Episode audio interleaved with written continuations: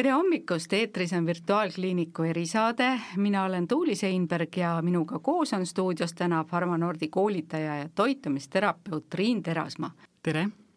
Ja meie tänane teema on D-vitamiin, et kui muude toidulisandite kohta teinekord arstidel on mitmesugused arvamused, et võtta vajaduspõhiselt ainult ja, ja tõepoolest määrata neid tasemeid, siis D-vitamiini suhtes valitseb konsensus üldiselt, et meie laiuskraadidel on seda vaja ja D-vitamiini nimetatakse ka päikesevitamiiniks ja see tekitab samas natukene segadust inimestel.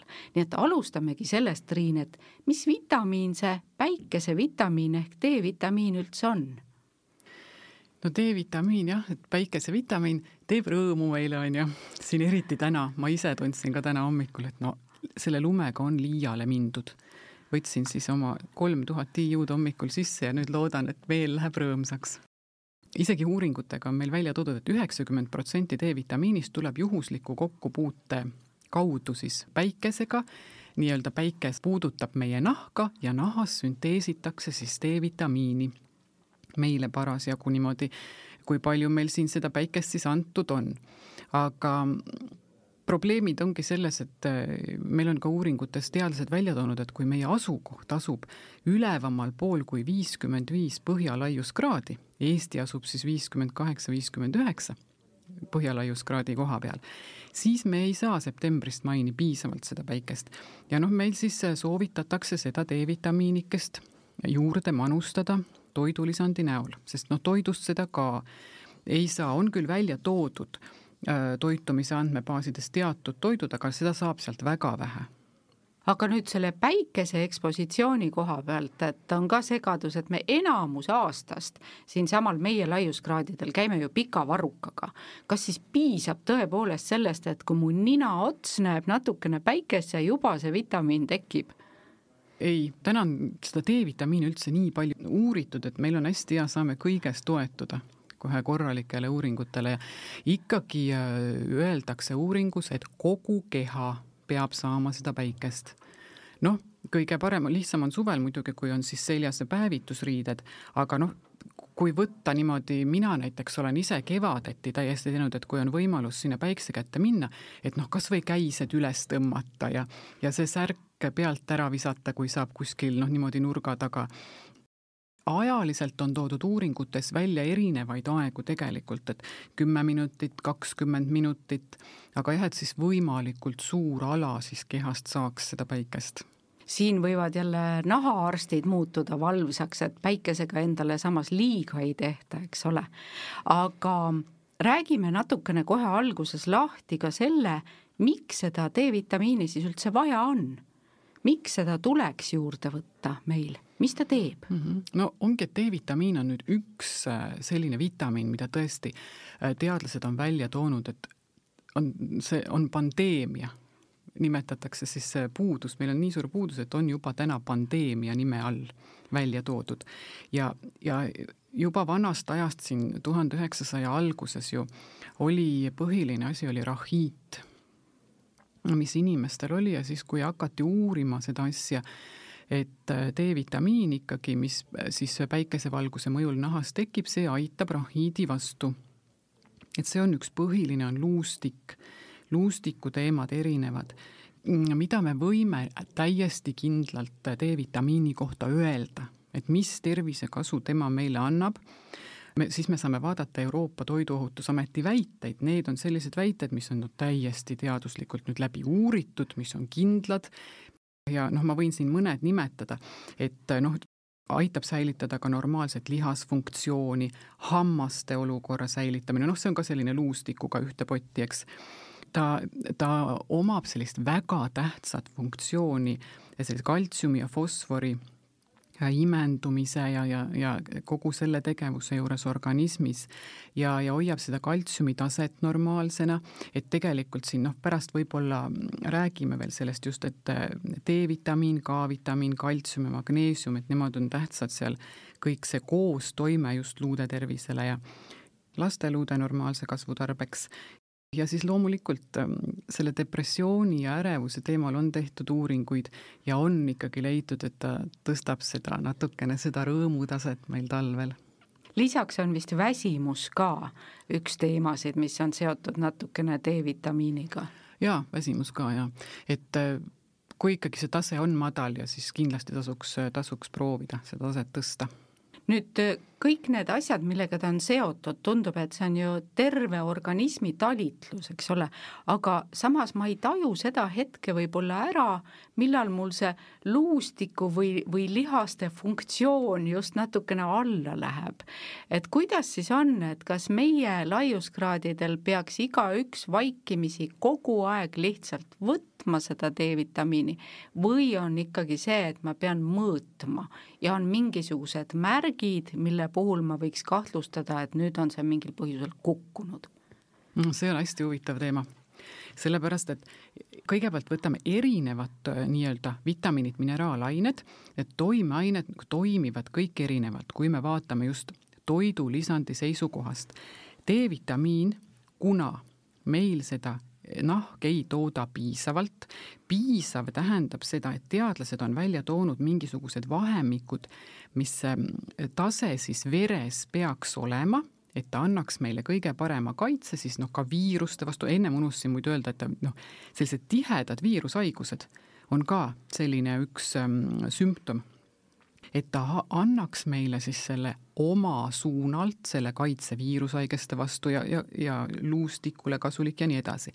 teatud vahemik, nii, see vahemik on kaheksakümmend kuni sada kuuskümmend, erinevates uuringutes erinevalt natukene välja toodud. ja nüüd on niimoodi, et kuna nahk meil teda piisavalt ei tooda, siis meie peaksime siin regioonis vähemalt võtma teda juurde kogu aeg kuna D-vitamiini poolestusaeg on üks kümme kuni kolmkümmend päeva, see tähendab seda, et me jätame järgi D-vitamiini võtmise, kümne kuni kolmekümne päevaga see tase langeb juba tagasi sinna defitsiiti või noh, mingisugusele tasemele, nii palju kui meie siis konkreetne ka inimese organism seda siis toodab sellest valgusest, mis me saame. ja nüüd ongi see, et me peaksime mõõtma tegelikult.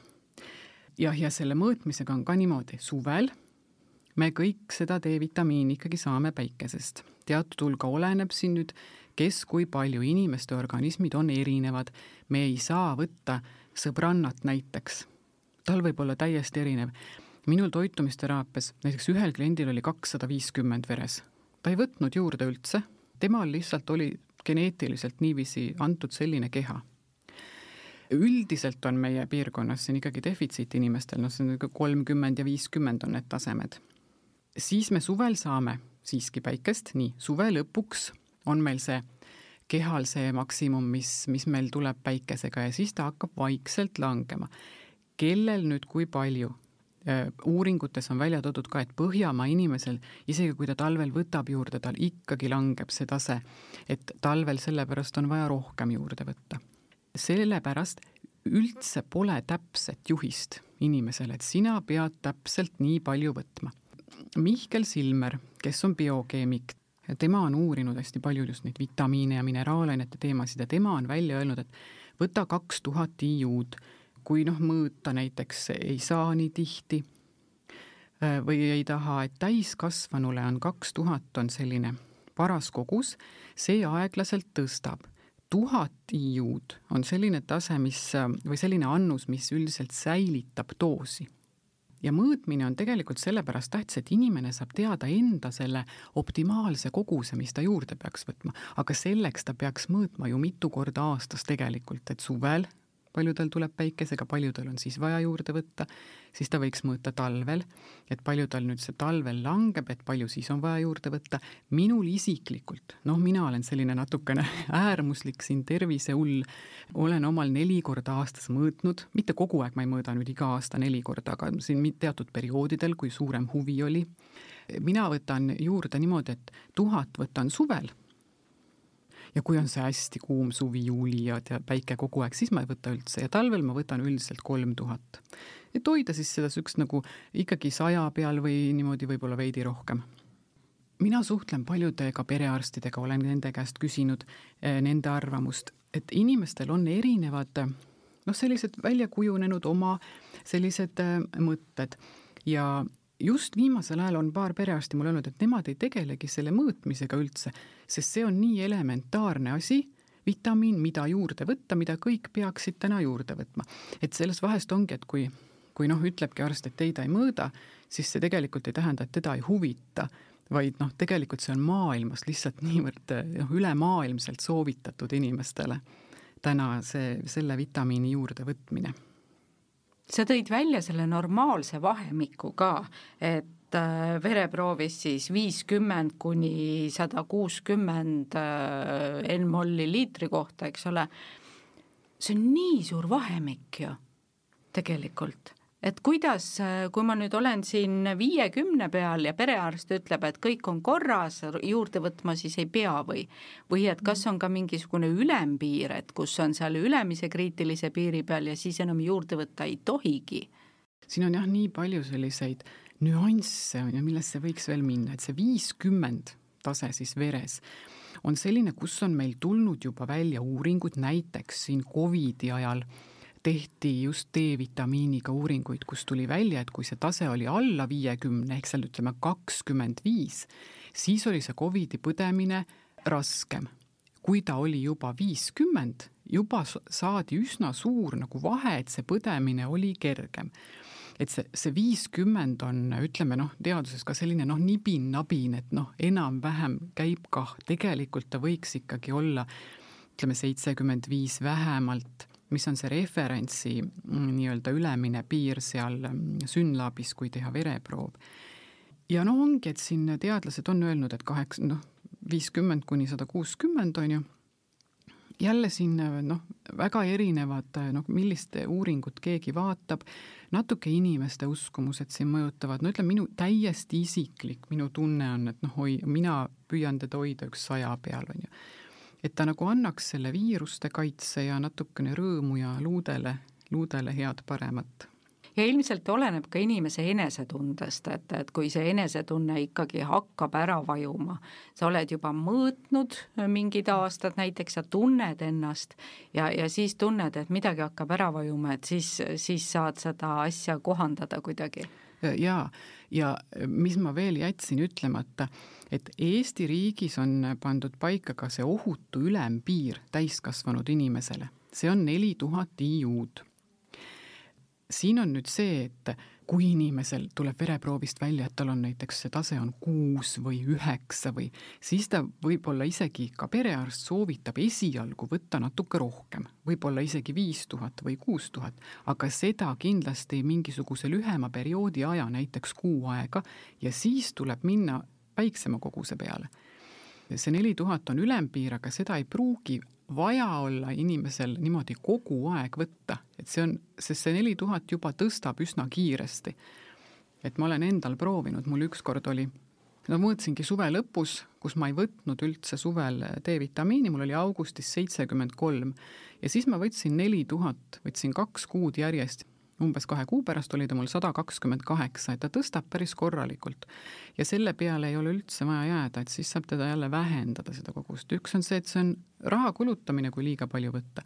teine asi on see, et, et D-vitamiin, rasvlahustuv, ta on hormoon, teda ei ole nagu ohutu niimoodi võtta väga suuri koguseid.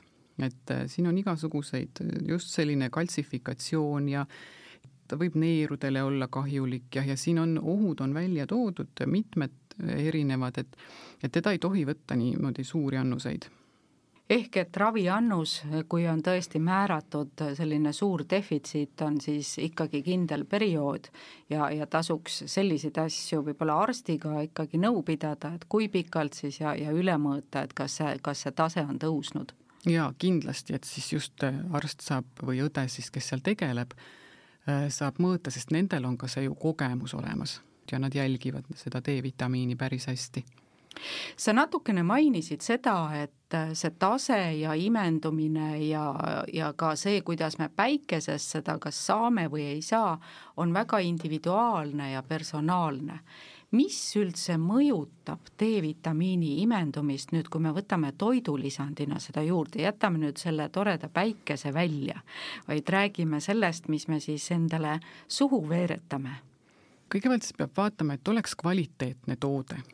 kuidas üks tavaline inimene saab seda teada, lähme apteeki, seal on kakskümmend erinevat D-vitamiini müügis noh, kõigepealt, mis täna juba teaduses on, ikkagi D-vitamiin peab olema kindlasti noh, rasva sees. nii, et kõva kapsliga D-vitamiini täna enam ei soovitata võtta, et sealt ei ole see imendumine väga hea. Rasva sees on ka erinevaid preparaate, et ta saab teda tilkadena tilgutada endale suhu, mis on muidugi hästi hea, on pisikestele beebidele, on ju, nendele sa ju ei saa anda närida seda kapslit või midagi seal Farmanordil on siis need teepärlid ilusti, võtad ühe pärli, saad täpselt nii palju, kui seal siis sees kirjas on. mida on toodud uuringutes välja, et kui nüüd tilgutada, siis võib juhtuda, et täpselt ei tea, palju seal tilga seest ikkagi tuleb. see oli nüüd esimene aste, siis vaatame, et ta oleks õli sees. siis ähm, tuleb teda kindlasti võtta koos toiduga, sellepärast et D-vitamiin on rasvlahustuv ja ta vajab rasva ja siis meil ju see maks hakkab tootma sappi ja hakkab seal kõik see seedimises see protsess tööle ja siis see D-vitamiin imendub ka paremini, nii. et tema vajab rasva. kõik need nagu rasvlahustuvad siis vajavad rasva juurde küsin kohe kiirelt vahele, et kui ma söön koos toorsalatiga, siis, äh, siis see ei kvalifitseeru, aga see peab olema mingi toit, mis sisaldab ikkagi mingis koguses mingit rasvainet või? jah, ta peaks selline natukene võib-olla kogukam või selline päris, nii-öelda päris toidukord olema mm. -hmm. või silmpudru sees? jah, ja puder ise juba on, see on nagunii rasvane. nii, siis me saame anda sinna juurde kuidagi peab see siis see inimene vaatama, et see toode oleks nüüd ka kvaliteetne. sellepärast, et mm, jällegi eh, toidulisandite puhul ei ole riik kehtestanud mingisugust tootmise korda sellepärast meil ongi seal kakskümmend erinevat D-vitamiini, erinevaid siin maale toodud või, mm, või niimoodi ostetud siis seda toorainet ja ja kuna see on nii tähtis, siis ju kõik tahavadki inimesi aidata ja seda müüa, aga keegi ei kontrolli mis on selle tableti sees või kapsli sees ja kuidas ta inimeses imendub. aga kvaliteedi näitaja on see, kui selle konkreetse siis kapsliga on tehtud mingid teadusuuringud, siis ta annab selle ähm, kindluse meile, et kui teadlased on võtnud selle enda uuringusse, siis ta imendub inimeses. niimoodi üldiselt. ja see on selline üks väga tähtis asi, mis peab olema toidulisandil tehtud, uuringud millistel D-vitamiinidel on need äh, uuringud tehtud, mis meil siin Eestis on äh, siis apteekides müügil? ma ei ole teinud sellist uurimust, siis peaks kohe igat D-vitamiini kohe konkreetselt uurima. ma ju õpetan äh, koolis ka ja seal me just õpilastega tegimegi, mm, massaažikoolis õpetan, tegime õpilastega, tookord küll võtsime magneesiumid kõik erinevad ja läksimegi, hakkasime järjest minema, läksime selle tootja kodulehele, maaletooja kodulehele ja hakkasime niimoodi läbi võtma. ja ega tavalisel inimesel see ei ole, sul läheb ikka pool päeva, et uurida välja siis lõpuks sealt, eks ole, et ahah, ei olegi ühtegi uuringut tehtud. et noh, kuna minu pädevus rääkida toidulisanditest tuleb Farmanordis töötamisest, siis Farmanordil on kõikide, kõikide toidulisanditega on tehtud äh, korralikud äh, sõltumatud teadusuuringud. Ja teepärlite osas võin just välja tuua selle, et kuna no üldiselt on teada see, et D-vitamiin siis Äh, oliiviõlis imendub, kui ta on oliiviõlis, imendub kõige paremini. ja seesama uuring ongi tehtud Farmanordi äh, D-pärlitega, et sealt see tuli nii-öelda üldse teadusesse, kui katsetati oliiviõlis seda D-vitamiini ja see on ka täna etaloniks ähm, Euroopas aga see tootmine, see, kui sa paned selle aine sinna oliiviõli sisse ja, ja ta tuleb sealt masinast välja ja ta läheb sinna kapsli sisse, et seda on vaja ka pärast kontrollida et kas ta, kas seal on kõik komponendid ikkagi veel sees ja olemas. et see on see tähtis asi.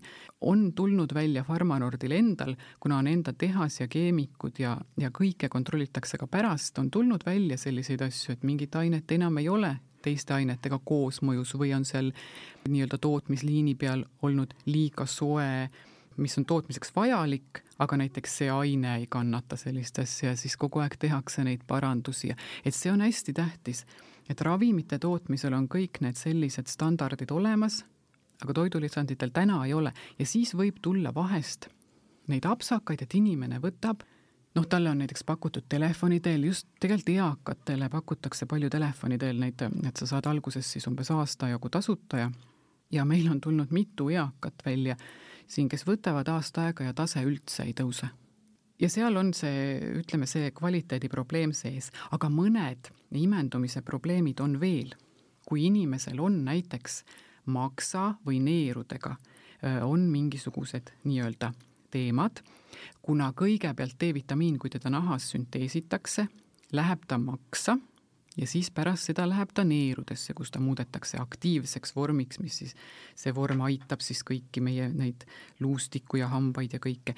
ja kui on maksa või neerude probleemid, siis võib tulla äh, ka probleeme selle D-vitamiini imendamisega kehas et sel puhul on kohe täitsa mm, arstid saavad teha sellist eri, eraldi vereproovi ja kontrollida, kas see D-vitamiin seal aktiivseks vormiks moodustub, see on täna Synlabis täitsa olemas ja et see on, see on täiesti meditsiinis on teada ja ka Eestis seda kontrollitakse, siis kindlasti väga suure kehakaaluga või rasvunud äh, inimesed Nendel võib olla uuringute järgi ka D-vitamiini süntees vähenenud.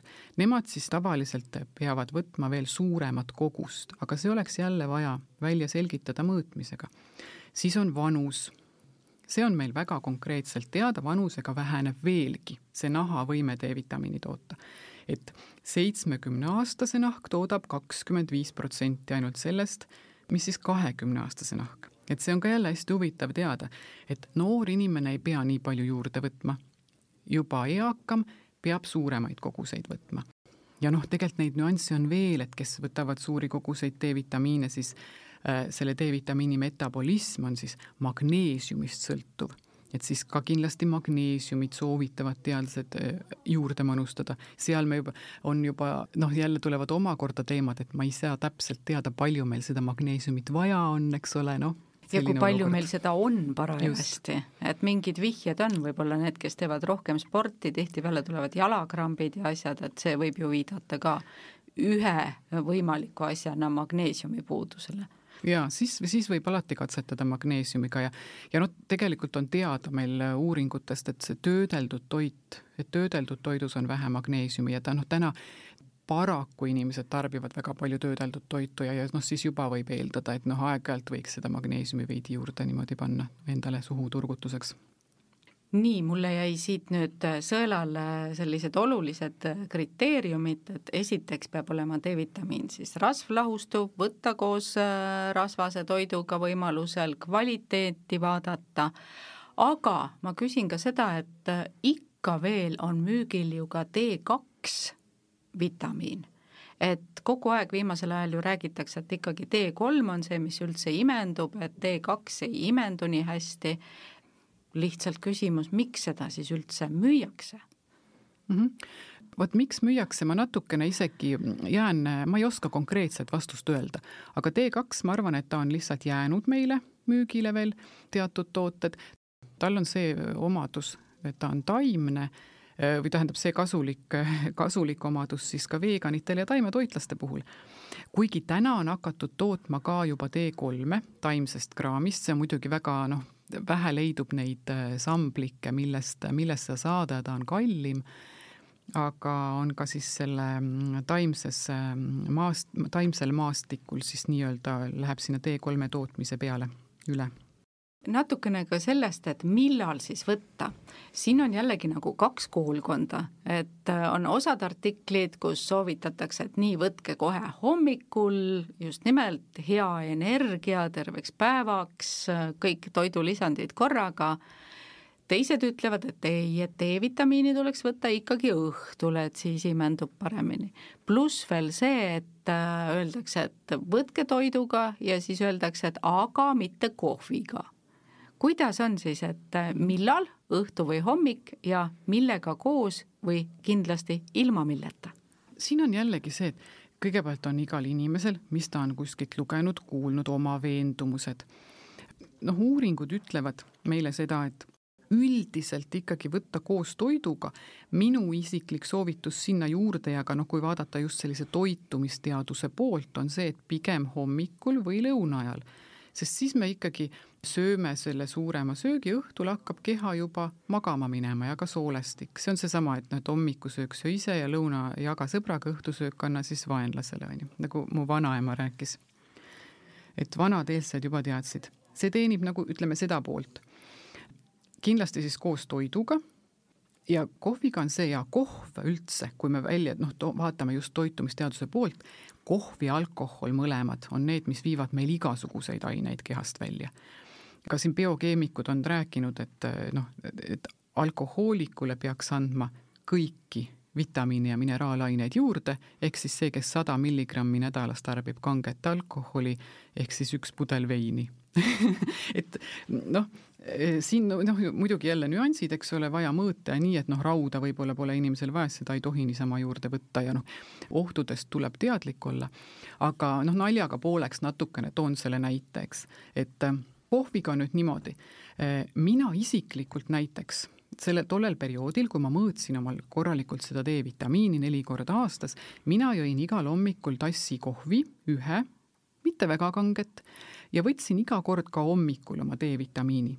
ja minul vereproovid näitasid, et väga korralikult imendub, minul see üks tass ei takistanud. Ma arvan, siin on tegemist ikkagi rohkem sellega, kui inimesed joovad väga palju kohvi, niisugune keskmine inimene, mis ma olen oma toitumisteraapia klientide puhul ka küsitlenud, ma vaatan ju alati menüüd, joob ikkagi neli-viis tassi, kes on niisugused kontoriinimesed, ütleme nii, on ju, neli-viis tassi no kes väljas lähevad, võtavad jälle sealt siit bensukast ja sealt kohvikust jälle topsiga onju ja tuleb see neli-viis tassi kokku. ja, ja ma arvan, siis on küll, et noh, peab vaatama, et kuhu, kuhu söögikorrale siis need oma vitamiinid ja mineraalained sinna paigutada. või jätta natukene seda kohvi vähemaks. et see kohv on jah, selline tegelane aga jällegi, et kuna noh, minul see üks tass nüüd ei, ei, ei mõjuta, see ei tähenda, et teisel inimesel minu kõrval eh, see ka ei mõjuta, et jälle peab katsetama ja, ja ka kohv on ja tõesti selline, et ma ise püüan kohvi joomise täitsa maha jätta, et, et siis kõik imendub hästi. kuidas rohelise teega on selles kontekstis? et äh, samamoodi ergutav toime, eks ole, aga kas, kas roheline tee viib samamoodi neid mineraalaineid ja asju kehast välja nagu kohv või, või pigem mitte? No temal on ka ikkagi toodud need omadused välja jah, kõik need, et, et taimetee Eesti loodusest taimetee on see, mis on, on meile kõige kehasõbralikum ikkagi aga pinnin veel selle kohvi teemal. see on äh, eestlastel hommiku selline rutiini osa ja kui ikkagi tahaks hommikul ka võtta need äh, toidulisandid ära, sest olgem ausad, päevad on inimestel nii hektilised, läheb meelest ära, õhtul ka ei taha võtta ja siis jääbki võtmata. ehk et kui ma nüüd joon kohvi ära ja siis on mingisugune paus, pool tundi, tund aega, siis söön ja võtan oma need toidulisandid või vastupidi, et söön, võtan toidulisandid, siis on paus ja siis joon kohvi. et äh, kas see oleks parem variant? no siin on jälle, et kuidas nüüd keegi on harjunud, mina muidugi niimoodi ei soovita, et noh, see hommikul kohv juua ainult, et hommikul tuleks ikkagi juua kõigepealt suur klaasitäis vett, siis süüa korralik hommikusöök, siis võiks võtta need toidulisandid, kui me noh, vaatame niimoodi just selle toitumise, tervisliku toitumise suunalt. ja noh, kui nüüd suudad, siis äh, hoia vahet natuke kohviga, et noh, mine tööle ära, eks ole, oota veel natuke, võta siis see kohv, on ju, seal. minu veendumus või selline tunne on noh, pigem niipidi et noh, see, et hommikul võtta kohv, ma tean inimesi, kes võtavad hommikul kohvi ja muud ei võtagi. noh, see ei ole sellele seedimisele võib-olla nii hea enne kui lõpetame, ma küsin ka nende koostoimete ja võimalike kõrvaltoimete kohta, et öeldakse, et kõik, millel on toime, sellel on ka mingisugune koostoime või kõrvaltoime. kas D-vitamiinil on teadaolevaid selliseid koostoimeid mingite ravimitega, mida peaks siis jälgima kindlasti või ei ole neid teada uuringutega? üldiselt D-vitamiini puhul ei ole mitte midagi sellist, mida niimoodi otseselt välja tuua, koostoimeid. ta on ikkagi selline kehasisene hormoon, mida keha ise toodab ka muidugi on Pharma-Nordil on kõikide toidulisandite kohta suured sellised tootejuhised, seal on toodud lihtsalt välja just rohkem D-vitamiini puhul, mida välja tuuakse, on need positiivsed koostoimed ikkagi. koostoimed positiivsed just see K2, D-vitamiin, kaltsium ja ka magneesium, kes toimivad koos, et kaltsium läheks õigesse kohta, et meie luud oleksid terved. ja siin, ja siin tulevad välja nüansid, et kui me, meil on D-vitamiini tase korralik, aga meil K2 näiteks ei ole üldse. et siin on nüüd teada juba meditsiinilise biokeemia õpiku teave on see, et K2 nad, seda toodavad meie soolestikubakterid, aga viiekümnendates eluaastates hakkab selle tootmine vähenema meie soolestikus ja siis soovitatakse juurde võtta. samas ka selle, näiteks selle varuorganismis on väga väike, kui on antibiootikumi kuur, kahjustab soole mikrobiotat, kohe tekib K2 defitsiit ja see juba ka lastel võib tekkida niimoodi. ja noh, siin tuleb see, see aspekt just välja, et Need esimesed nelikümmend, viiskümmend aastat me peaksime tegelikult ennetama, hoidma seda eh, nii-öelda keemilist, keemilist taset tasakaalus kehas, võtma neid mõningaid vitamiine, mida me toidust ei saa, et oleks tasakaal, siis keha saab meid maksimaalselt terve hoida, nii palju kui geneetiliselt antud on, on ju. et noh, täna, kui me vaatame statistikat, siis ikkagi viiskümmend pluss naistel, igal teisel on mingi luustikuhaigus. aga noh, siin on vaja näha neid seoseid, et kui me esimesed viiskümmend aastat on see nii-öelda see ennetus ja tervise hoolitsemine, tervisest hoolitsemine, siis meil on, on lihtsam ka teises pooles. Et neid seoseid on vaja hakata nägema ühiskonnas ühes intervjuus sa ütlesid ühe väga toreda lause, et viiekümneaastased inimesed arvavad, et haigus kukub neile puu otsast pähe, samas pole nad eelmised viiskümmend aastat oma tervise eest õigesti hoolitsenud. et natukene nagu seesama mõte, et see tervise eest hoolitsemine peab olema järjepidev, eks ole. aga ma küsin sellega seoses, et kui nüüd ikkagi on mõni kuulaja, kes ei ole enda D-vitamiini tasemele üldse tähelepanu pööranud ja tõepoolest läheb mõõtma, selgub, et see on kriminaalselt madal ja on olnud juba pikalt madal ja tal on igasuguseid kaebusi, haigusi, kõike juba. kui ta nüüd hakkab võtma, kas vähemalt siis see protsess kuidagi pidurdub? Tagasi ilmselt kõike pöörata ei saa, heaks teha seda viitekümmend aastat keha valesti kasutamist, aga kas kuidagi nagu selle, sellise stopi vähemalt saaks panna? Mhm. see on, selles mõttes me saame toetada, toidulisandiga me ju ei ravi midagi, ühest küljest on see toit, aga teisest küljest me ikkagi, kui me võtame toidulisandit, me tahame teatud tervisekasu saada ja me saame sellega toetada, nii-öelda kasutada ennetavas ja toetavas meditsiinis ja inimesed, inimesed annavad tagasisidet, nad saavad kasu ja seda näitavad ka teadusuuringud, et me saame toetada. et siis peaks kindlasti inimene hakkama võtma, ütleme, et tuleb kuus, üheksa, olen näinud nii palju selliseid tasemeid, hakkavad kohe korralikult võtma alguses neli tuhat näiteks ja mingi võib-olla siis paari kuu pärast saab juba madalamaks minna ja saavad toetust. jälle, kõik ei saa ühtemoodi, mõni vähem, mõni rohkem, aga kindlasti proovida tasub, sest et ta paha ei tee julgustan siis kõiki vaatama endasse korraks, tunnetama, et mis, mis keha ütleb, vajadusel mõõtma ja lõpetuseks sul on üks äh, üllatus ka kuulajatele, kes on äh, selle info kõik endale kõrva taha pannud, et et kust saab siis neid äh, kvaliteetseid D-vitamiini pärleid? jah, et Pharma Nord siis, kes toodab siis toidulisandeid juba üle kolmekümne aasta, ühe teepärli sees on täpselt nii palju D-vitamiini, kui seal karbi peal kirjas ja see imendub korralikult. Ja saab meie e-poest osta www.farmanord.ee ja apteekidest saab ka, aga e-poest saab siis, ma annan sooduskoodi, millega saab kolmkümmend viis protsenti soodustust. see on siis E null null kolm EE ja, ja see kehtib siis äh, kogu aeg nii et tasub kasutada ja nende pärlite kohta ütlen omalt poolt ka, et need on nii mõnusa väikese suurusega, et äh, nende abil võib õpetada lapsi vajadusel tablette neelama aga aitäh sulle, Triin, selle info eest ja kuniks päike välja tuleb, võtame siis seda päikest väikeste lisanditena, aitäh! aitäh!